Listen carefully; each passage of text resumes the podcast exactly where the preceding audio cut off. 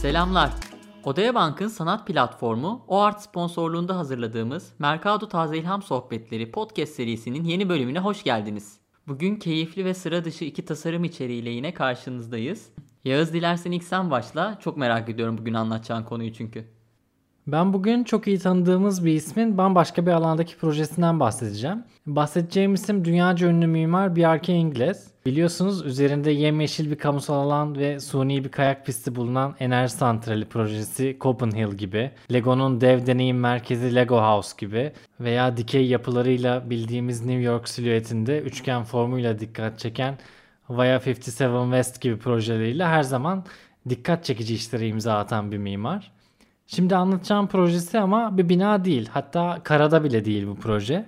BRK Ingles Group derin deniz madenciliği yapan The Metals Company ile bir araya gelerek firmanın yeni projesi için robotik araçlar ve gemiler tasarlayacak. Normalde estetiğin ve buna bağlı olarak da görsel tasarımın aranmadığı bu üretim alanının tasarımında neden Big ile işbirliğine gidildiği herkesin aklına gelen bir soru oluyor. Benim de aklıma bu şekilde bir soru geldi. BRK Ingles bu çevresel sürdürülebilirlik anlamında önemli sürecin tasarımla öne çıkarılması ve görünür kılınması istendiğinden bahsediyor bununla ilgili.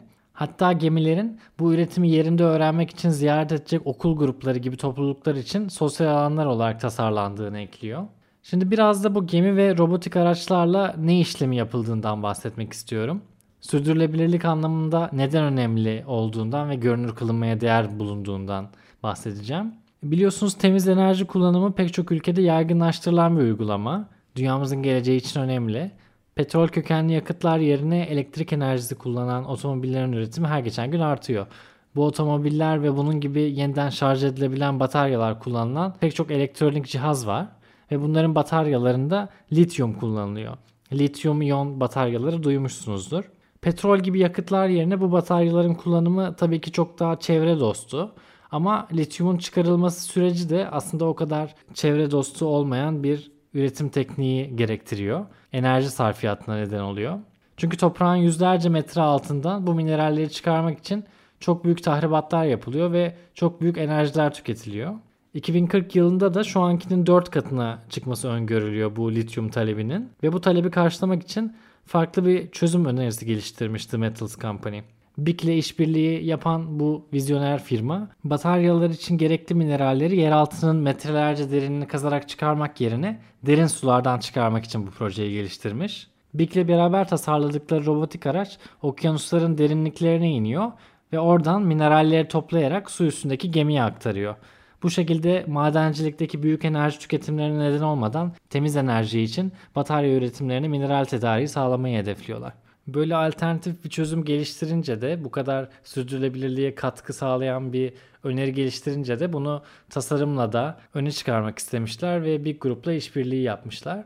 Çıkan tasarımlar da bu arada şu an biz görüyoruz, bakıyoruz. Onları sizin de görebilmeniz için bir link hazırladık her zamanki gibi. Spotify mobilden dinliyorsanız açıklamalar kısmındaki linke tıklayarak görsellere bakabilirsiniz. Oldukça organik formlarda ve beyaz renk tercih edilen tasarımlar. Mekansal olarak da oldukça çekici görünüyor bence geminin iç kısmı. Sen ne düşünüyorsun? Ya valla sen su altı aracı deyince hani ben daha minik bir şey bekliyordum. Fotoğraflarını görünce bayağı devasa araçlarmış bunlar.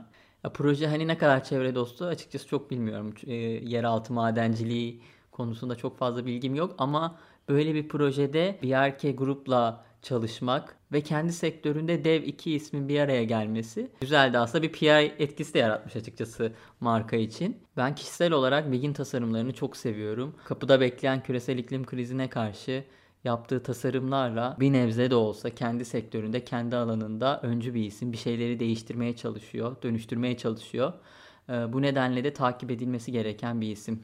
Evet Big'in gerçekten bu alanda çok fazla tasarımı ve büyük projesi var. Sürdürülebilirlik anlamında etkileri tabii ki tartışılır ve daha uzman isimler değerlendirebilir ama en azından bizler için ilham verici projeler. Bu alanda da ufuk açan projeler diyorum. Ve senin konunu merak ediyorum. Bahsetmek ister misin? Bugün tabii denk geldi. Benim konum da biraz sürdürülebilirlik üzerine. Uzun zamandır 3D print tasarımlar üzerine güncel bir haber konuşmamıştık. Bugün tamamen 3D print ile üretilmiş ve kendi kendini sulayabilen ekolojik bir duvar projesinden bahsedeceğim. Banyan EcoWall projenin ismi. Gömülü su kaynağı ve drenaj sistemiyle dünyanın ilk 3D baskı Yeşil Duvarı. Tasarımın sahibi dünyanın en büyük 3D yazıcı üreticilerinden Big Rap'in inovasyon laboratuvarı NavLab. Bu laboratuvar 3D baskının sınırlarını zorlayan tasarımlar için araştırmalar ve üretimler gerçekleştiriyor. Daha önce akıllı beton duvar ve havasız bisiklet lastiği gibi öncü teknolojik inovasyonlara imza atmış bir ekip. Son tasarımları Banyan EcoWall ile de tasarım dünyasında oldukça ses getirdiler. Tamamen 3D baskı ile üretilen bu ekolojik duvar sistemi bitkiler için bir destek yapısına ve bitkilere su sağlayan mikro duşlar ile entegre bir sulama sistemine sahip. Tasarımın kendisinde minyatür iç kanallar bulunuyor ve bu kanallar optimum su akışına göre tasarlanmış. Yani insan müdahalesine gerek kalmadan bitkilerin su ihtiyacını karşılayabilmesini sağlıyor. Tabii ki de 3D print teknolojisiyle üretildiği için aslında oldukça pratik. Burada önemli olan su akışına uygun formda modeli tasarlayabilmek. Geliştirilen özel kanal sistemi sadece dikey tarım veya yeşil cepheler gibi sulu bitki sistemlerinde değil, gömülü işlevler gerektiren tüm uygulamalar için de önce olabilir. Ortaya çıkan prototipin görsellerine hazırladığımız linkten ulaşabilirsiniz. Evet gerçekten ilgi çekici bir proje. Başta görsel olarak benim ilgimi çekmişti. Şimdi dinledikten sonra farklı şeyler de düşündürdü. Dikey alanda bitki yetiştiriciliği veya tarım gibi işler için çok etkili bir sistem. 3D printin de imkanları kullanılmış. Çünkü 3D print teknolojisiyle bu e, sulama sisteminin yapının kendi içinde olabilmesi sağlanmış. Yoksa şu anki e, başka bir teknolojiyle bu şekilde efektif bir su dağıtımı yapılamıyor benim bildiğim kadarıyla. Bundan dolayı güzel bir uygulama. Belki biraz hani bizi dinleyenlere açmak gerekebilir. Ee, örneğin siz bir kendi kendine bir drenaj sistemi olan bir sistem yapacağınız zaman bile o kanalları ekstra yapmanız gerek ya da mesela bu bir sistem betonsa o kanalları dahil edemezsiniz siz yapının içine dışarıdan müdahale ederek yapmanız gerekir. Ama burada 3D printte zaten modeli tasarlarken aslında bilgisayarda optimum düzeyde suyu dağıtacak şekilde kanalları tasarlıyorsunuz ve 3D printte bu sistem direkt üretiliyor. Evet 3D print sayesinde bu projenin strüktürel yapısı ve drenaj sistemi aslında tek seferde çözülmüş oluyor. Tek bir üretim şekliyle hem hızdan kazanılıyor hem de üretim maliyeti düşüyor. Daha az malzeme kullanılıyor. Kullanılan malzeme efektif kullanılmış oluyor. Hem de bu kanal sistemi optimum şekilde suyu dağıtabiliyor. Yöntemi modelde bunu çözmek ve 3D print sayesinde bunu modelde çözebiliyor tasarımcılar. Evet bugün çevreye dair çok şey konuştuk. Biraz daha küçük ölçekte, biraz daha büyük ölçekte farklı projelerden bahsettik. Umarız size de ilham olmuştur. O halde Odea Bank'ın sanat platformu OART sponsorluğunda hazırladığımız Taze İlham Sohbetleri podcast serimizin bu bölümünün de sonuna geldik.